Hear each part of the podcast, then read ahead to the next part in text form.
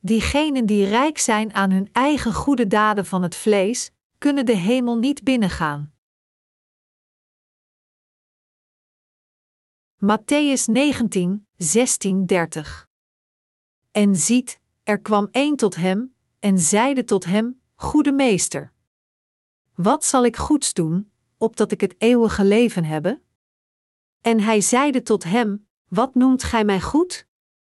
Niemand is goed dan één, namelijk God. Docht wilt gij in het leven ingaan, onderhoud de geboden. Hij zeide tot hem: Welke? En Jezus zeide: Deze: Gij zult niet doden, gij zult geen overspel doen, gij zult niet stelen, gij zult geen valse getuigenis geven, eer uw vader en moeder, en gij zult uw naaste lief hebben als uzelven. De jongeling zeide tot hem: Al deze dingen heb ik onderhouden van mijn jonkheid af. Wat ontbreekt mij nog? Jezus zeide tot hem: Zo gij wilt volmaakt zijn, ga heen, verkoop wat gij hebt, en geef het den armen, en gij zult een schat hebben in den hemel, en kom herwaarts, volg mij. Als nu de jongeling dit woord hoorde, ging hij bedroefd weg, want hij had vele goederen. En Jezus zeide tot zijn discipelen: Voorwaar, ik zeg u, dat een rijke bezwaarlijk in het koninkrijk der hemelen zal ingaan. En wederom zeg ik u: het is lichter dat een kemel gaat door het oog van een naald, dan dat een rijk inga in het koninkrijk Gods. Zijn discipelen nu, dit horende, werden zeer verslagen, zeggende: Wie kan dan zalig worden?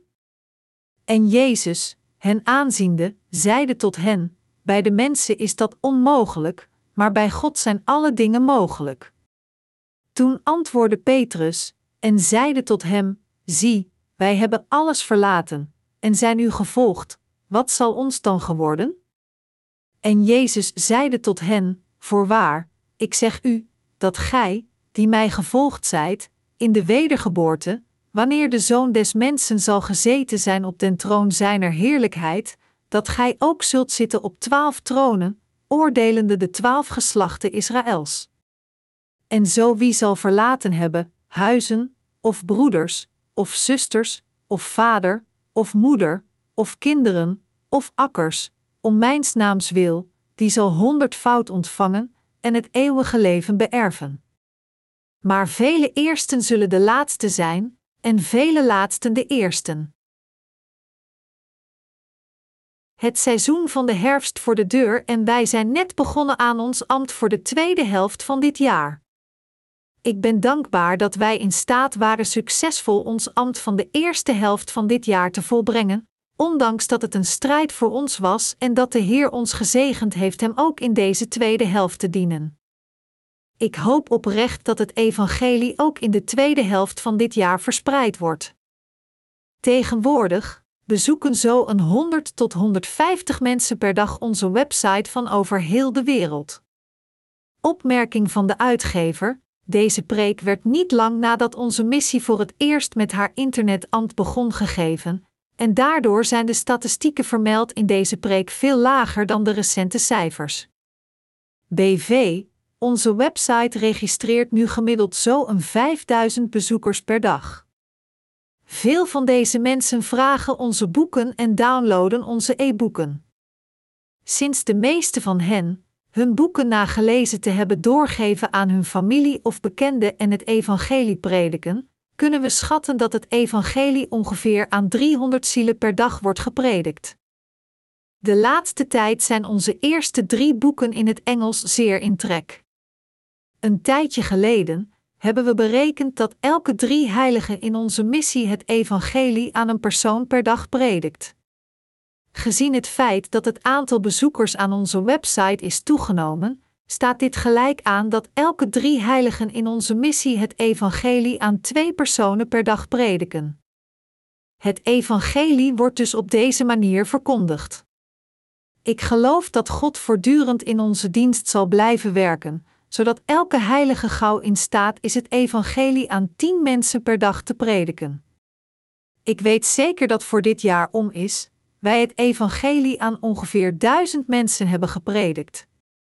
Ik ben ervan overtuigd dat God ervoor zorgt dat dit zal gebeuren. Het evangelie werd aan veel mensen tijdens de eerste helft van het jaar verspreid, en onze dienst voor de tweede helft gaat ook goed. Er werd mij verteld dat tegenwoordig ongeveer duizend boeken wekelijks verscheept worden naar het buitenland vanuit het distributiecentrum in Wonju City. Dat duizend boeken wekelijks verscheept worden betekent dat ongeveer 150 boeken elke dag verscheept worden. Maar kunnen we aan de vraag voldoen als er in deze tweede helft van het jaar dagelijks 10.000 boeken worden aangevraagd? Hier maak ik mij geen zorgen om. Ik weet zeker dat God in al onze behoeften zal voorzien. Wij hebben allemaal in het eerste halfjaar hard gewerkt om de Heer te dienen. U en ik hebben beiden hard gewerkt voor dit ambt. Onze medewerkers over heel Korea hebben ook hard gewerkt. Ik weet zeker dat onze buitenlandse medewerkers ook hard gewerkt hebben voor de verspreiding van het evangelie. Ik hoop en bid dat God ons nog meer zegeningen schenkt in de tweede helft van dit jaar, voordat we onze winterretreiten houden. Na de aanbiddingsdienst van vandaag zullen we een offer geven voor de wereldmissies, met een tijdschema voor het einde van december. Ik vraag u op te schrijven en het bedrag in te dienen dat uw hart u vertelt aan God te offeren om Hem te dienen. Sommigen van u denken: ik heb geen geld, dus wat moet ik doen? Maar als uw hart ernaar verlangt, dan zult u een manier vinden om bij te dragen en als u zelf wilt deelnemen aan het werk van de kerk, zal God ervoor zorgen dat al uw behoeften op welke manier dan ook worden ingevuld. Maar als u niet zo een mentaliteit hebt en tegen uzelf zegt: Ik ben niet in een positie om contributies te geven. Ik zou het wel willen, maar ik kan gewoon geen toezeggingen doen, dan zal uw geloof wegkwijnen. Bovendien, als het evangelie in deze tweede helft verspreid wordt, dan heeft dit niets met u te maken. Dit zou u dan buitensluiten van Gods zegeningen, dus ondanks dat u zich een moeilijke situatie bevindt, u hoeft alleen maar uw hart en geloof aan de Heer te offeren. Als u Hem niet met uw materiële bezittingen kunt helpen, dan kunt u in de kerk meehelpen met haar werk. We moeten allemaal samen deelnemen aan de verspreiding van het evangelie. Diegenen die nu niet meteen geld kunnen offeren, kunnen de evangelische dienst helpen met hun gebeden, en zij kunnen deelnemen in het werk van de kerk, zelfs als het op een kleine manier gebeurt. Bent u blij dat de herfst voor de deur staat? Ik vind het lekker dat het nu koeler is nu dat de herfst er is. Het is koel zonder dat we onze ventilators of airconditioners hoeven te gebruiken. Met haar zachte bries en het geluid van zingende krekels is het weer perfect om een dutje te doen of de Bijbel te lezen. Deze zomer was zeer zwaar voor ons. Het was een heel zwaar en vermoeiend seizoen voor ons. Als u te moe bent, dan moet u dit toegeven en wat rust nemen om opnieuw op te laden en een paar dagen iets leuks doen, zoals we nu doen. Maar als u doet alsof u niet moe bent terwijl u dat wel bent, dan zult u alleen maar doorgaan met het verzamelen van meer vermoeidheid. U zult dan van vermoeidheid sterven voordat de Heer komt. Als u maar uw zwakheden voor God uitdrukt, zeggend: Heer, ik ben zo moe, dan zullen uw hart en uw geloof beide vernieuwd worden. Onlangs is dit kerkgebouw dat wij huren verkocht aan iemand anders. Maar de nieuwe eigenaar zal hier niet gaan wonen, dus hoeven we ons geen zorgen te maken. Zelfs als ons gevraagd wordt om te vertrekken, dan verhuizen wij gewoon naar een ander gebouw. Hoewel het goed is dat iemand voor lange tijd op een plaats leeft, is het ook goed om te verhuizen om nieuwe omstandigheden te ervaren. Wij zijn vastbesloten om altijd met vernieuwde harten te werken onder elke omstandigheid. We hebben tot nu toe het beste uit dit gebouw gehaald, maar omdat het verkocht werd aan een professionele vastgoedinvesteerder, moeten we nu een nieuw huurovereenkomst met hem afsluiten. Ik vraag u alle om voor deze kwestie te bidden, zodat een nieuwe huurovereenkomst met redelijke voorwaarden kan worden ondertekend. Hoewel we in de eerste helft van dit jaar verschillende resultaten hebben geboekt, hoop ik dat het evangelie nog meer verspreid wordt in de tweede helft. Ik zelf zou graag met onze studenten van de missieschool willen reizen om het evangelie met hen te verspreiden, en ik wil ook graag elke dochterkerk in Korea bezoeken om daar het evangelie te prediken. Als het mogelijk is, wil ik nu en voor een tijdje mijn inspanningen concentreren op de verspreiding van onze boeken in plaats van hen te schrijven. We hebben tot dit jaar veel boeken gepubliceerd. We hebben tot nu toe hard gewerkt om de basis van het evangelie te leggen. We hebben series van boeken over het evangelie van het water en de geest gepubliceerd, en we zijn nu bezig de laatste hand te leggen aan een verzameling preken over de apostolische geloofbeleidenis die binnenkort gepubliceerd zal worden. Ik ben er sterk van overtuigd dat als we op dezelfde voet verder kunnen gaan als voorheen, we dan meer dan in staat zouden zijn om het evangelie overal te verspreiden. Ik ben ervan overtuigd dat in deze tweede helft we in staat zullen zijn het evangelie nog krachtiger te prediken. Bent u hier ook overtuigd van? We verspreiden het evangelie nu aan veel plaatsen in de wereld door het internet. Onze zusters hebben talloze e-mails verstuurd om onze website te introduceren, en sommige van hun zullen nu denken: we hebben zo hard gewerkt en zoveel mails gestuurd dat er geen plaats meer is om ons uitnodigingsbericht naartoe te sturen, maar ze hoeven zich geen zorgen te maken. Gisteren werd ik gebeld door dominee Shin die mij vertelde dat door de informatie gestuurd door een van onze medewerkers in Portugal, er daar talloze christelijke websites zijn. Was u toevallig aan het denken: wat moet ik doen als er geen plaatsen meer zijn om onze e-mails naartoe te sturen? Heb ik dan niets meer om te doen? Maakt u zich geen zorgen, ik zal u allemaal fantastisch werk bezorgen. Onlangs hebben enkel Japanse mensen onze boeken gelezen en de vergeving van hun zonden ontvangen. Als het nieuws van het evangelie verspreid wordt door deze mensen, dan zullen nog meer mensen de vergeving van hun zonden ontvangen. Hoewel er veel zielen over de wereld zijn die de vergeving van hun zonden hebben ontvangen, weten we niet de volledige omvang hiervan, opdat niet iedereen contact met ons opneemt. Zelfs nu wij hier samen zijn, blijft het werk van het evangelie zich ontvouwen en blijven mensen de vergeving van zonde ontvangen. Een pastor in Afrika heeft ons verteld dat hij nu in dit evangelie gelooft en dit nu aan zijn congregatie leert. We hebben ook van een Canadese pastor gehoord die onze boeken als tekstboeken gebruikt voor de Bijbelstudie van zijn congregatie. Maar dit is alleen het topje van de ijsberg. Het evangelische werk ontvouwt zich over heel de wereld in veel groter aantal en sterkte, ook al horen wij hier niets over. Het fantastische werk van God ontvouwt zich overal. Ik ben ervan overtuigd dat het evangelie nu tientallen miljoenen keren meer verspreid wordt dan onze arbeid. Totdat de Heer terugkomt, zal het evangelie krachtig worden verspreid. Het evangelie zal onvermoeibaar verspreid worden totdat het over heel de wereld gepredikt is in de komende jaren en diegenen die erin willen geloven zullen erin geloven, terwijl diegenen die niet erin willen geloven er niet in zullen geloven. Ik geloof dat God dit zal bewerkstelligen. U gelooft dit toch ook, niet waar? Naarmate er meer tijd voorbij gaat, zal de verkondiging van het evangelie ook versnellen. Het duurde niet lang voordat we verheugd waren dat het aantal dagelijkse bezoekers aan onze New Life Mission steeg naar meer dan 100, maar nu hebben we dagelijks meer dan 200 mensen die onze boeken aanvragen.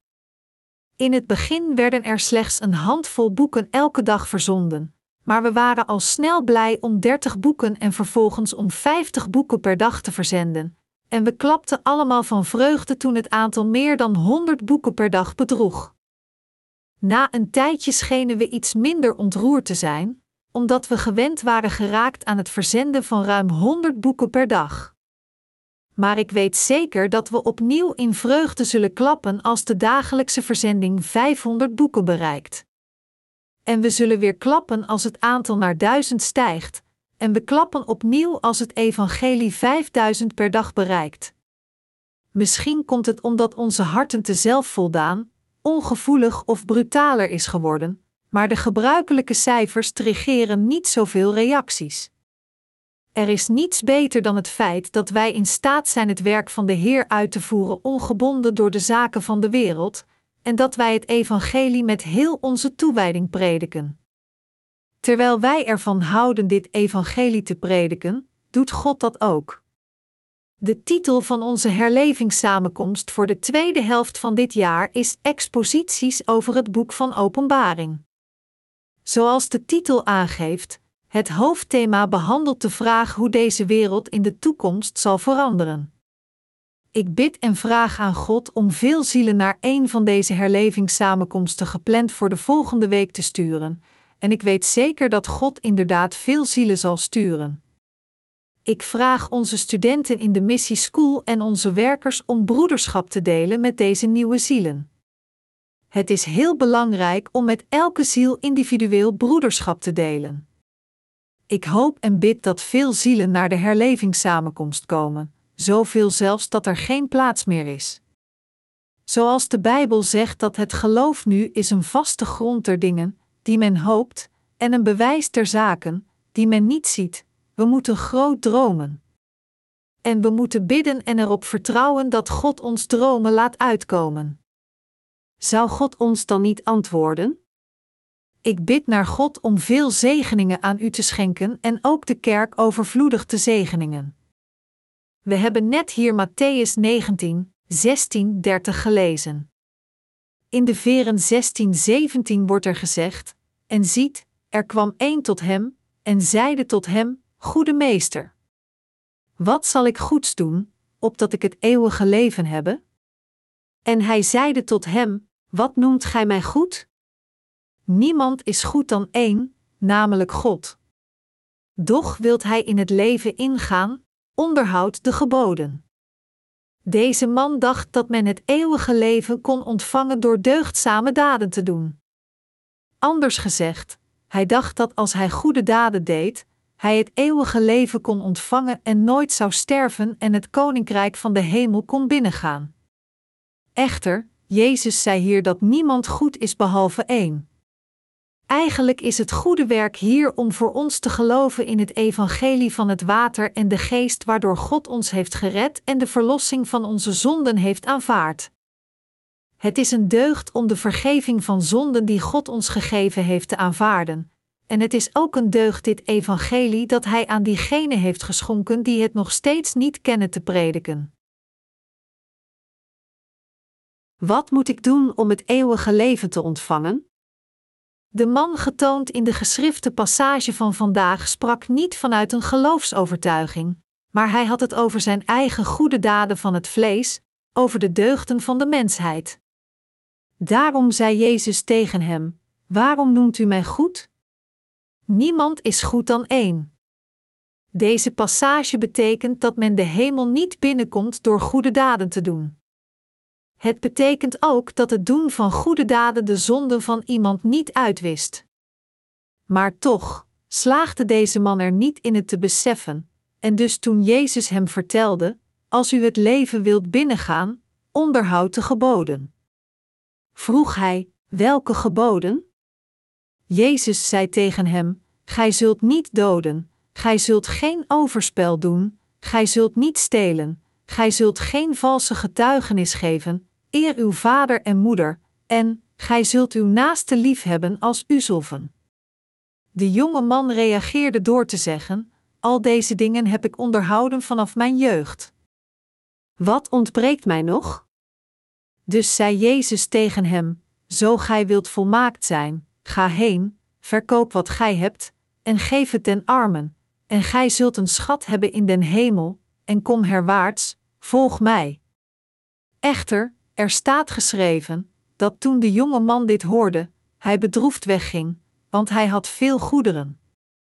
Toen Jezus de jonge man vertelde deze geboden te houden, vroeg hij hem vertrouwelijk welke geboden hij moest houden. Dus Jezus noemde ze voor hem op: U zult niet moorden, u zult geen overspel spelen, u zult niet stelen, u zult geen valse getuigenis afleggen, eer uw vader en moeder, en u zult uw naaste lief hebben als uzelf. De man zei toen tegen Jezus: Al deze dingen heb ik gedaan sinds mijn jeugd. Wat ontbreekt mij nog? Hierdoor vroeg hij welke andere dingen hij moest doen, sinds hij zich aan al deze geboden had gehouden. Dus wat zei Jezus tegen hem? Hij zei: Zo gij wilt volmaakt zijn, ga heen, verkoop wat gij hebt, en geef het den armen, en gij zult een schat hebben in den hemel, en kom herwaarts, volg mij. De Bijbel zegt dat deze jonge man toen verdrietig wegging, omdat hij veel rijkdom had. Deze passage maakt eigenlijk een enkel punt. Het spreekt over de menselijke rechtvaardigheid, duidelijk makend dat niemand de verlossing van zonden kan ontvangen als hij vervuld is met zijn eigen menselijke rechtvaardigheid. Met andere woorden, het eeuwige leven kan niet worden ontvangen als iemand te veel gerechtigheid van de mensen heeft. Dit is wat de geest van God onderscheidt van de geest van de mens. Menselijke wezens proberen het eeuwige leven te verkrijgen door goede werken van zichzelf te doen en hun eigen deugden te verzamelen. Echter, God vertelde ons om onze eigen rechtvaardigheid weg te gooien en in plaats daarvan Zijn rechtvaardigheid te accepteren en erin te geloven, dat wil zeggen het rechtvaardige werk dat God voor ons heeft gedaan, en dus het eeuwige leven ontvangen. Als we God benaderen, dan is het onze instinctieve neiging om te proberen onze eigen deugden goed te maken en ze naar God te brengen, omdat we zelf, als menselijke wezens, geen deugden hebben. Iedereen heeft deze neiging, omdat het vrijwel instinctief is. Echter, als we naar de geschrifte passage van vandaag kijken, dan zien we dat Jezus aan ons uitlegt wat er gebeurt als wij ons blijven vasthouden aan onze eigen rechtvaardigheid voor God. Het is moeilijker voor een rijk mens om het koninkrijk van de hemel binnen te gaan dan voor een kameel om door het oog van een naald te kruipen. Vanaf vers 23 en verder leert Jezus zijn leerlingen door deze rijke jonge man als voorbeeld te gebruiken dat het moeilijker is voor de rijken om de hemel binnen te gaan dan voor een kameel om door het oog van een naald te kruipen.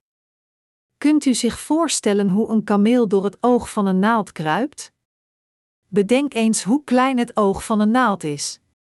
Het is niet alleen moeilijk voor een kameel om door zo'n klein gaatje te kruipen, maar het is zelfs onmogelijk. Maar nog moeilijker dan dit is het voor een rijk iemand om het koninkrijk van de hemel binnen te gaan. Anders gezegd, Jezus zei dat het nog meer onmogelijk was voor de rijken om het koninkrijk van God binnen te gaan. Over welk soort van rijke mensen sprak Jezus hier? De rijke man verwijst hier naar iemand die rijk is in zijn hart. Jezus sprak niet over materiële rijke mensen. Laten we kijken naar deze jonge man. Er staat geschreven: En ziet, er kwam een tot hem, en zeide tot hem: Goede meester. Wat zal ik goeds doen, opdat ik het eeuwige leven hebbe? Het hart van deze man was gevuld met zijn eigen menselijke deugden. Hij had vele goede daden gedaan, verdiende vele verdiensten, hield heel de wet en gehoorzaamde elk van de tien geboden, en hij vroeg zich af wat hij zelf nog meer kon doen, overtuigd dat hij bijna perfect was en dat hij alles kon doen dat gedaan moest worden. Gezien dit, was het voor hem natuurlijk om rijk te zijn in zijn hart. Jezus zei echter dat het voor een rijk iemand moeilijker was om het koninkrijk van de hemel binnen te gaan dan voor een kameel om door het oog van de naald te kruipen. Laten we hier kijken naar de versen 23 en 24. En Jezus zeide tot zijn discipelen: Voorwaar, ik zeg u, dat een rijke bezwaarlijk in het koninkrijk der hemelen zal ingaan. En wederom zeg ik u: het is lichter dat een kemel gaat door het oog van een naald, dan dat een rijke inga in het koninkrijk Gods. Jezus trok een vergelijking om te illustreren dat het gemakkelijk voor een kameel is om door het oog van een naald te kruipen dan dat een rijk iemand het koninkrijk van de hemel binnengaat. U weet allemaal wat een kameel is, toch? Hoe zit het met een naald? Tegenwoordig doet bijna niemand meer naaien, maar u weet allemaal wel wat een naald is. Het oog van een naald is zo klein dat een grootmoeder met slecht zicht aan haar kleinkind moet vragen of zij de draad door het oog wil steken. Als zelf een vinger niet door het oog van de naald kan, hoe kan een kameel, een dier dat vele keren groter is dan een mens er wel doorheen gaan? Zelfs de grootste deur bij u thuis kan nauwelijks een kameel herbergen om er doorheen te gaan. U kunt het koninkrijk van de hemel nooit met uw eigen menselijke deugden binnengaan. Het is moeilijker voor iemand met veel menselijke deugden om de hemel binnen te gaan dan voor een kameel om door het oog van een naald te kruipen.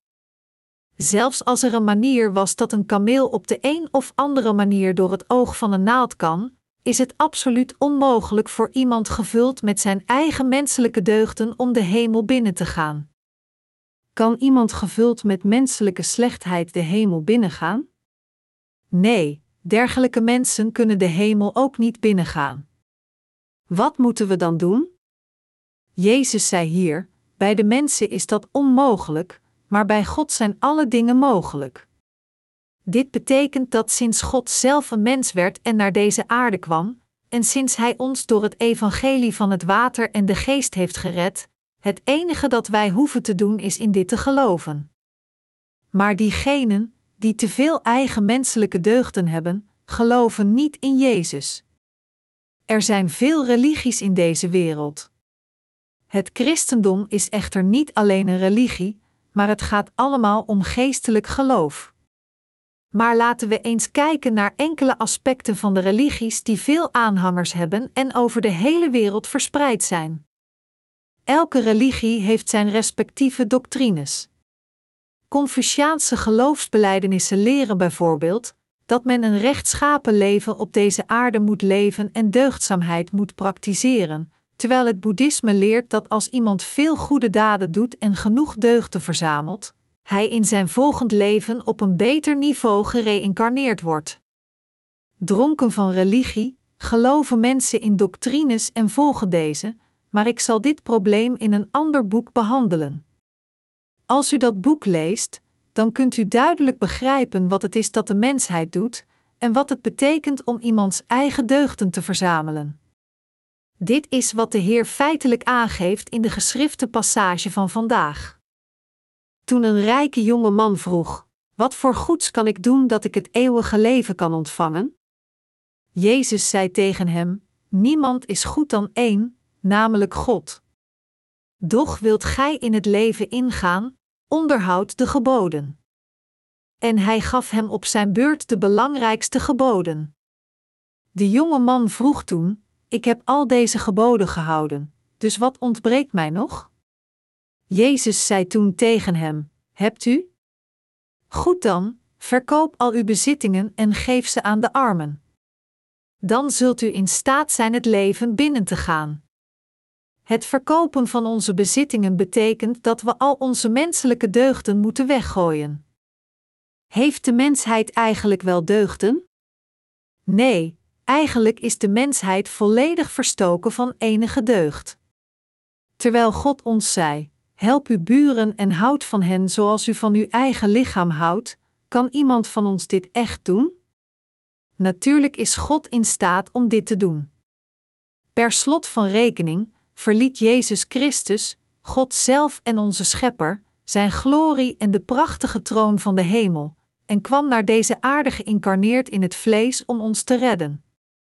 En hij accepteerde al de zonden van de mensheid op zijn eigen lichaam door zijn doopsel, ging naar het kruis, droeg het oordeel dat gereserveerd was voor de mensheid in haar plaats, werd gekruisigd om zijn bloed te vergieten, stierf in plaats van de mensheid, vrees weer van de dood en heeft ons daarmee gered.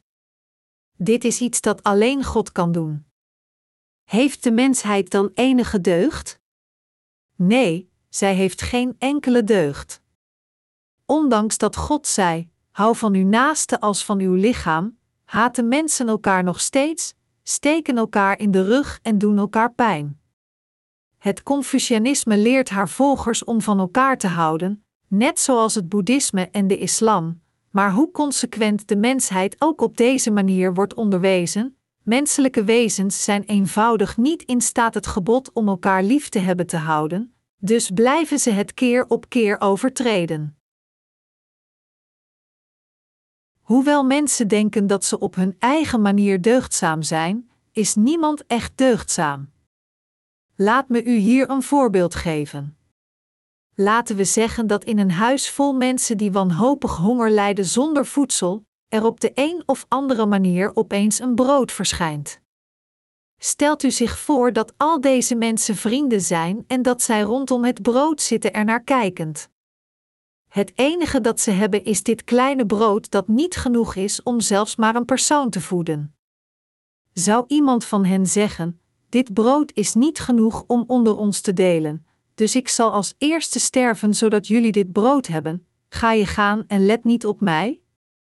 Of menselijke wezens oprecht deugdzaam zijn of niet, wordt gauw geopenbaard als wanneer zij geconfronteerd worden met noodsituaties of met moeilijke situaties. Ondanks dat mensen denken dat zij in staat zijn om goede dingen te doen, is de mensheid echt goed? Nee, de mensheid is niet echt deugdzaam. Dat is waarom Jezus zelf zei dat niemand goed is dan één, God zelf. Alleen God is oprecht goed, en de mensheid is helemaal niet deugdzaam. Stelt u voor dat u in zo'n uitgehongerde situatie bent dat u niets anders te eten hebt dan een brood. Zou u dit brood met de anderen delen?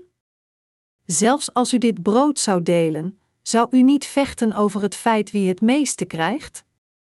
Of zou u zeggen: U kunt dit brood hebben en iets langer leven, ik zal als eerste sterven? Welke van deze drie scenario's past bij u?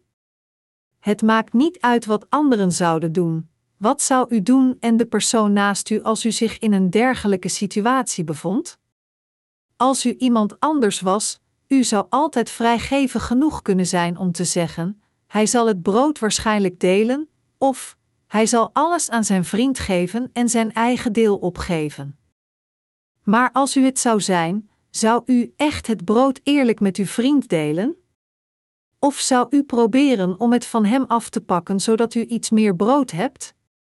Zo niet, zou u dan zeggen: Hier is het. Waarom eet u het niet helemaal op? Ik zal mezelf opofferen. Als niets van dit alles aannemelijk is, zou u dan het aandeel van uw vriend met geweld nemen en het hele brood helemaal alleen opeten? Als u een dergelijk probleem echt zou tegenkomen, dan gaan de dingen niet zoals u denkt. Toen ik een kind was, deed ik voortdurend de afwas voor mijn moeder. Ik volgde mijn moeder overal, klampte me vast aan haar rok, deed klusjes voor haar, ging water halen en maakte het vuur voor haar als ze rijst aan het koken was. In die tijd hadden we weinig te eten. Dus als mijn moeder de rijst kookte, deed ze er altijd een mengeling van tarwe en andere granen bij om de hoeveelheid op te zwellen. Op één dag moest ik de gekookte rijst opscheppen voor mijn familie. Elke kom was te onderscheiden, dus ik wist precies van wie elke kom was, of het die mij, van mijn vader of moeder was. Ik was toen nog heel jong, u kunt zich waarschijnlijk voorstellen hoe ik de rijst in elke kom verdeelde. Ik deed de rijst van mijn ouders heel licht in hun kommen zodat deze heel los zat, maar bij mijn kom duwde ik de rijst aan zodat er in de kom zoveel mogelijk rijst paste. Zelfs nu kan ik me dit herinneren alsof het gisteren was. Ondanks dat ik toen jong was, dacht ik bij mezelf: ik doe dit omdat het mijn kom is. Het is omdat dit mijn kom is dat ik probeer hem zo vol mogelijk te maken. Egoïsme wordt zelfs zo in de eigen familie geactiveerd en dat is hoe de mensheid van natuur is. Mijn medegelovigen, het is een vanzelfsprekendheid dat elke zoon en dochter zorgt van zijn ouders, maar zoals ik me hier herinner, staat de fundamentele aard van de mensheid dit niet toe. Ik besefte me heel goed wat ik toen aan het doen was en ik ben het nooit vergeten. En ondanks dat ik geprobeerd heb deugdzaam te leven, als ik terugkijk en objectief naar mezelf kijk, dan zie ik dat ik hierin heb gefaald. Is de mensheid goed? Nee, dat is ze niet. Als u iemand beoordeelt op zijn uiterlijke verschijning, dan kunt u denken dat deze persoon heel deugdzaam is, maar vergeet al die anderen en kijk alleen naar uzelf. Denkt u dat u goed genoeg bent? Dat is absoluut niet waar.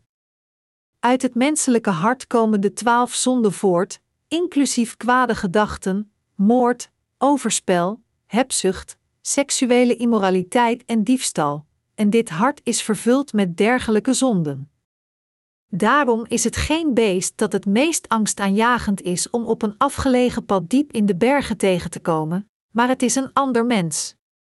Het meest angstaanjagende is niets anders dan de mens zelf. Als u wild dier tegenkomt, dan kunt u nog vluchten. Maar u kunt niet vluchten van uw medemens. Zelfs als u het probeert, zal iemand altijd een manier vinden om u van achteren te besluipen. Het meest angstaanjagende schepsel van alles is niemand minder dan de mensheid. Gezien het feit dat de mens van natuur een boosaardig gebroed is, is het niet onvermijdelijk dat mensen alleen maar kwaad doen?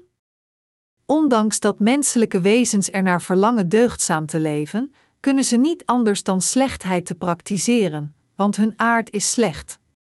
Dat is de aanleiding voor religie. En dat is waarom verschillende religies, zoals Confucianisme, Boeddhisme, Hindoeïsme en het Katholisme zijn ontstaan. Het is juist omdat menselijke wezens zo slecht zijn dat door al deze religies zij op de een of andere manier proberen hun slechtheid te compenseren. Jezus zei dat het onmogelijk is voor iemand om de hemel binnen te gaan door zijn goede daden. Jezus zei: Voorwaar, ik zeg u, dat een rijke bezwaarlijk in het koninkrijk der hemelen zal ingaan. En wederom zeg ik u: het is lichter dat een kemel gaat door het oog van een naald, dan dat een rijke inga in het koninkrijk Gods. Onze Heer zei dat het voor een rijk iemand moeilijker is om de hemel binnen te gaan dan voor een kameel om door het oog van de naald te kruipen. Als dit waar is, dan betekent dit uiteindelijk dat diegenen die zelf te deugdzaam zijn, nooit de hemel kunnen binnengaan. Diegenen die rijk zijn in hun hart zijn het minst in staat om de hemel binnen te gaan, zelfs minder dan degenen die rijk zijn aan hun materiële bezittingen van het vlees. Diegenen die rijk zijn in hun geloof zijn veilig. Als u een dergelijk rijk persoon met een goed hart bent, verlangend om te werken voor de zaligmaking van zielen in gehoorzaamheid aan het woord van God nadat u de vergeving van uw zonden hebt ontvangen, dan zit u goed. Het is echter niet aanvaardbaar voor diegenen die niet de verlossing van hun hebben ontvangen door hun eigen verdiensten te denken dat zij veel deugden hebben, noch is het aanvaardbaar voor hen om te proberen veel goede daden te doen. Het is moeilijk voor dergelijke mensen om hun zaligmaking te ontvangen, ondanks dat Jezus het aan hen heeft gegeven. Hoe moeilijk is het? Het is moeilijker dan het voor een kameel is om door het oog van de naald te kruipen. Begrijpt u dit, mijn medegelovigen? Dat is waarom de Heer tegen ons zegt: bij de mensen is dat onmogelijk, maar bij God zijn alle dingen mogelijk. Met andere woorden, terwijl het volledig onmogelijk is voor mensen om hun zaligmaking te bereiken, met God is het meer dan mogelijk. Hoe vervulde God dan de zaligmaking voor de mensheid? Er staat geschreven: Want God hield zoveel van de wereld dat Hij zijn enige geboren zoon opgaf, dat diegenen die in Hem geloven niet zouden vergaan, maar het eeuwige leven ontvangen. Johannes 3 uur 16. Dat is hoe God de mensheid heeft gered. God heeft al de zonden van de mensheid uitgewist door zijn zoon naar deze aarde te sturen, door deze enige geboren zoon te laten dopen om zo al de zonden van de mensheid aan hem door te geven, door hem de zonde van de wereld naar het kruis te laten dragen en door hem tot de dood te kruisigen. Het is omdat God het juiste werk voor ons heeft gedaan, het goede werk om ons te redden dat wij onze zaligmaking hebben ontvangen door in deze werken te geloven. Toen Jezus zei: Bij de mensen is dat onmogelijk, maar bij God zijn alle dingen mogelijk, bedoelde hij dat het God zelf was die ons gered heeft. Mijn medegelovigen, we moeten God allemaal dankbaar zijn voor de vergeving van zonden, hier elke dag over nadenken en het keer op keer in onze harten graveren. Zijn menselijke wezen van natuur goed? Nee, zoals we keer op keer ontdekken door onze eigen dagelijkse ervaringen, wij zijn helemaal niet deugdzaam. Zelfs als het gaat om onze levens die we leven nadat we de vergeving van onze zonden hebben ontvangen, afgezien van wat we doen om het evangelie en God te dienen, is al het andere dat we doen slecht. Is dit niet waar? Dat is de reden waarom Jezus zei dat wij onze eigen menselijke deugden weg moeten gooien. Zelfs na de ontvangst van de vergeving van zonden, moeten we niet onze eigen menselijke goedheid showen.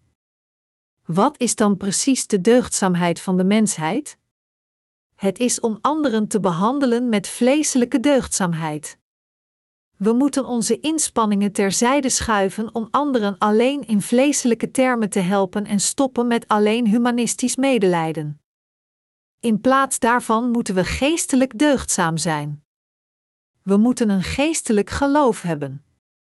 Om geestelijk deugdzaam te zijn is te geloven dat Jezus Christus de zonde van de wereld droeg door zijn doopsel dat al onze zonden uitwiste, en dat Hij ons gered heeft door gekruisigd te worden, zijn bloed tot de dood te vergieten en weer van de dood te verrijzen. En het is ook dit evangelie te prediken. De verlossing van onze zonde ontvangend door in dit evangelie te geloven, onszelf aan de verspreiding van dit evangelie toe te wijden, ervoor te bidden en het met het geloof te dienen dat Jezus alle zonden uitwiste, dat is wat ware deugdzaamheid is. Om te ademen omwille van het dienen van dit evangelie, om geld te verdienen in zijn dienst, en om voor zulke doeleinden te leven, zo leven wij deugdzaam. Al het andere is slecht. Dat is waarom diegenen, die te veel menselijke deugden hebben aanvankelijk in God geloven, maar in veel gevallen, verliezen zij uiteindelijk hun geloof en verlaten God. Mijn medegelovigen, u moet uw eigen menselijke deugden eruit gooien. De mensheid heeft in werkelijkheid geen noemenswaardige deugden. Mensen zijn verstoken van elke deugd door hun ware aard. We moeten erkennen dat het oprecht deugdzaam is om het evangelie van het water en de geest te dienen als we gered zijn door erin te geloven. Zoals er staat geschreven in 1 Corinthiërs 10 uur 31, het zij dan dat gij lieden eet, het zij dat gij drinkt, het zij dat hij iets anders doet, doet het al ter ere Gods. Als we deze passage nemen als het doel van ons leven, dan moeten we geloven dat alles wat we doen voor het evangelie juist is. Hoewel ik nog steeds in deze wereld leef, net zoals u in deze wereld leeft, geloof ik dat het een ware zegening voor ons is om alleen voor de Heer te leven en ik bedank Hem vaak dat Hij ons toestaat om een dergelijk leven te leiden. Hoeveel verleidingen liggen er klaar om ons hart weg te lokken, als we niet volledig toegewijd waren aan dit werk?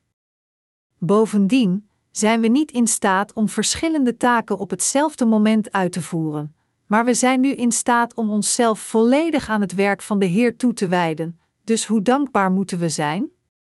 Tenzij we de Heer met heel onze toewijding dienen, zullen we veel moeilijkheden ondervinden. Ik ben zo dankbaar en blij dat God mij gezegend heeft om de Heer met heel mijn leven te dienen.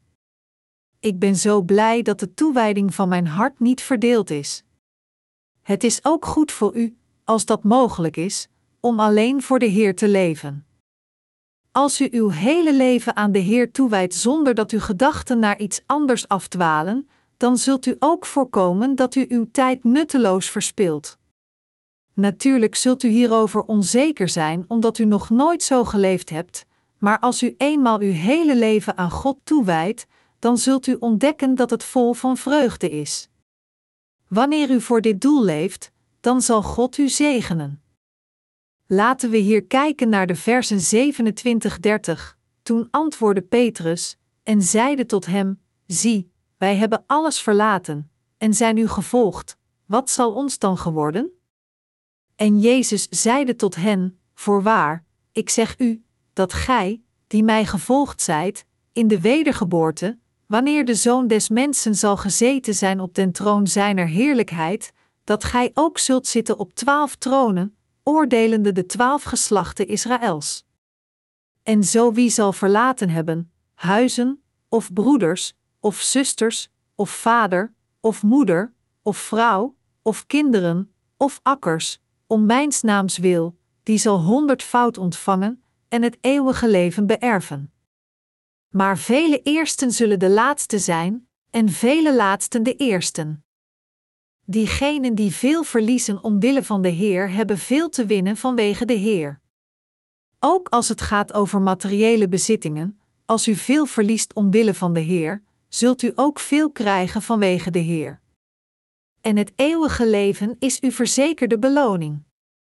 We zijn gered door geloof, niet door onze eigen menselijke deugden, maar door te geloven in de rechtvaardigheid van God, in de zaligmaking die God naar ons gebracht heeft. En als we daarna veel verliezen hebben geleden omwille van de Heer, dan zullen we ook veel winnen vanwege de Heer. Dit is wat het betekent als Jezus zegt: Alzo zullen de laatste de eerste zijn, en de eerste de laatsten, Matthäus 20 uur 16. Wie zijn dan eigenlijk de eersten? Wie zijn geestelijk geavanceerd? Diegenen die veel dingen voor de Heer hebben opgegeven zijn geestelijk ontwikkeld. Iemand die veel dingen voor de Heer heeft opgegeven is de eerste, en iemand die nog iets heeft opgegeven nog veel verloren is na de Heer ontmoet te hebben is de laatste. Diegenen die veel verloren zijn omwille van de Heer zijn geestelijk ontwikkeld. Wanneer we kijken naar diegenen die achterblijven in geloof, dan zien we dat ze absoluut niets hebben verloren omwille van de Heer. Hun geloof is elke dag zo. Maar hoe zit het met diegenen die veel verloren zijn voor de Heer? Zij rennen vol energie voor het evangelie en zij gedijen ook echt op deze aarde. Hebt u iemand die de Heer dient ooit honger zien lijden? Iemand die oprecht leeft voor de Heer en zijn evangelie zal nooit honger hebben. Dit zijn niet mijn woorden, maar Jezus zei ook, en Jezus, antwoordende, zeide: Voorwaar zeg ik u lieden, er is niemand die verlaten heeft huis, of broeders, of zusters, of vader, of moeder, of vrouw, of kinderen, of akkers, om mijnentwil en des evangelies wil, of hij ontvangt honderdvoud, nu in deze tijd, huizen, en broeders, en zusters, en moeders, en kinderen, en akkers, met de vervolgingen, en in de toekomende eeuw het eeuwige leven. Marcus 10, 29, 30. Zij zullen zeker deze beloning ontvangen. Bent u het hiermee eens? Bovendien is het voor diegenen die leven voor de Heer onmogelijk om hun geloof te verliezen. Daarom is het zo goed om voor de Heer te leven. Voorheen had ik veel bekenden, vrienden uit mijn seminariejaren, familieleden en naaste familieleden, maar ik ben hen allemaal verloren sinds ik de vergeving van mijn zonden heb ontvangen. Mijn hart brak elke keer als ik er een verloor. Eigenlijk was het niet alleen dat ik ze verloor, maar erger nog, ze vervolgden me. Maar, wat gebeurde er daarna? Toen ik in de Bijbel keer, vond ik de belofte van de Heer dat zegt: Voorwaar zeg ik u lieden, er is niemand die verlaten heeft huis, of broeders, of zusters, of vader, of moeder, of vrouw, of kinderen, of akkers, om mijnentwil en des evangelies wil, of hij ontvangt honderdvoud, nu in deze tijd, huizen, en broeders, en zusters, en moeders, en kinderen, en akkers, met de vervolgingen, en in de toekomende eeuw het eeuwige leven. Marcus 10, 29, 30. Ik geloof in dit woord. Sinds ik mijn familie van het vlees verloor, heeft God mij een grote geestelijke familie gegeven. U bent mijn broeders, mijn zusters, mijn familie geworden. Ik heb veel familieleden verspreid over heel Korea en over de hele wereld. Dus als wereldlijke mensen opscheppen over hun familie, dan antwoord ik hen door te zeggen: U bent zo zwak om op te scheppen over uw familie terwijl u maar een handvol bent. Hebt u enig idee hoe groot mijn familie is? Ik heb duizenden en miljoenen familieleden. Beseft u wel hoeveel familieleden ik heb? Als ik al mijn familieleden neem en zij zouden elk een tik op de hoofden van deze wereldlijke mensen geven, dan zou hun huishouding geruïneerd zijn. Ik hoef niet eens tegen ze te vechten, alleen al mijn familieleden die er eens op stampen, zullen volstaan. Mijn medegelovigen, de eersten verwijzen naar diegenen die de Heer volgen. De Heer te volgen is om uzelf los te laten en te leven omwille van de Heer, en de zaligmaking betekent een nieuw leven van de Heer te ontvangen. Dat is wat de Bijbel tegen ons zegt. Het is niet omdat we op de een of andere manier goed zijn dat we gered zijn geworden, maar het is God die ons heeft gered. Daarom, het is door deze zaligmaking met geloof te accepteren, door de goedheid van God te accepteren, dat wij onze zaligmaking kunnen bereiken. Wie is goed? Zijn wij het, of is het God? Het is God die goed is. En het is God die rechtvaardig is. Net voordat Jezus gedoopt werd, zei hij: Laat nu af, want al dus betaamt ons alle gerechtigheid te vervullen. Het zinsdeel alle gerechtigheid betekent hier dat Jezus alle zonden door zijn doopsel accepteerde. De Bijbel beschrijft Jezus ook als het Lam Gods, dat de zonde der wereld wegneemt, en dit betekent dat Jezus al de zonden van de wereld schouderde door zijn doopsel. Daarom, wij zijn niet goed, maar het is God die goed is. Gelooft u dit, dat het God is die ons gered heeft? Ondanks dat we ontoereikend zijn, zullen we nooit ons geloof verliezen als we ons zelf met de kerk verenigen. Hoewel u ontoereikend bent, zult u de hemel nog steeds binnengaan als u gelooft dat Jezus al uw zonde overnam door gedoopt te worden, de zonde van de wereld naar het kruis droeg, gekruisigd werd tot de dood, van de dood verrees, opsteeg naar de hemel en zo dus onze God van zaligmaking is geworden. Dan zult u het eeuwige leven ontvangen. Het eeuwige leven betekent dat u de hemel binnengaat, nooit zult sterven, maar voor eeuwig zult genieten van de pracht en glorie. Daarom is God goed. We moeten het evangelie met onze harten dienen verenigd in de geestelijke orde van de kerk. Om deze geestelijke orde te negeren is hetzelfde als God te negeren. Vroeger vroegen we gekscherend aan onze volgers van geloof: hoe moet u denken over uw voorgangers, ook over de deelnemers van een semester voor u, in onze missieschool? Ze moesten dan zeggen: we moeten ze zien als klasgenoten van God. Het onderstreepte dat nieuwe gelovigen het geloof van hun voorgangers zoveel meer moeten koesteren en van hun voorbeeld moeten leren. We zeggen deze dingen niet meer zo vaak, maar in het begin vroegen we deze vragen regelmatig als trainingsdoelen en om Gods orde te vestigen. Onze missieschool is fundamenteel anders dan de seminaries van de wereld. We hebben de onvermijdelijke plicht om iedereen die vervallen is aan religie te bevrijden maar het is bijna onmogelijk voor ons om het evangelie rechtstreeks aan iedereen over heel de wereld te prediken, en daarom publiceren wij onze boeken in verschillende talen en delen ze met mensen over heel de wereld. Tegen de tijd dat 600 jaar voorbij gingen sinds de komst van Jezus, was het christendom al volledig ingestort.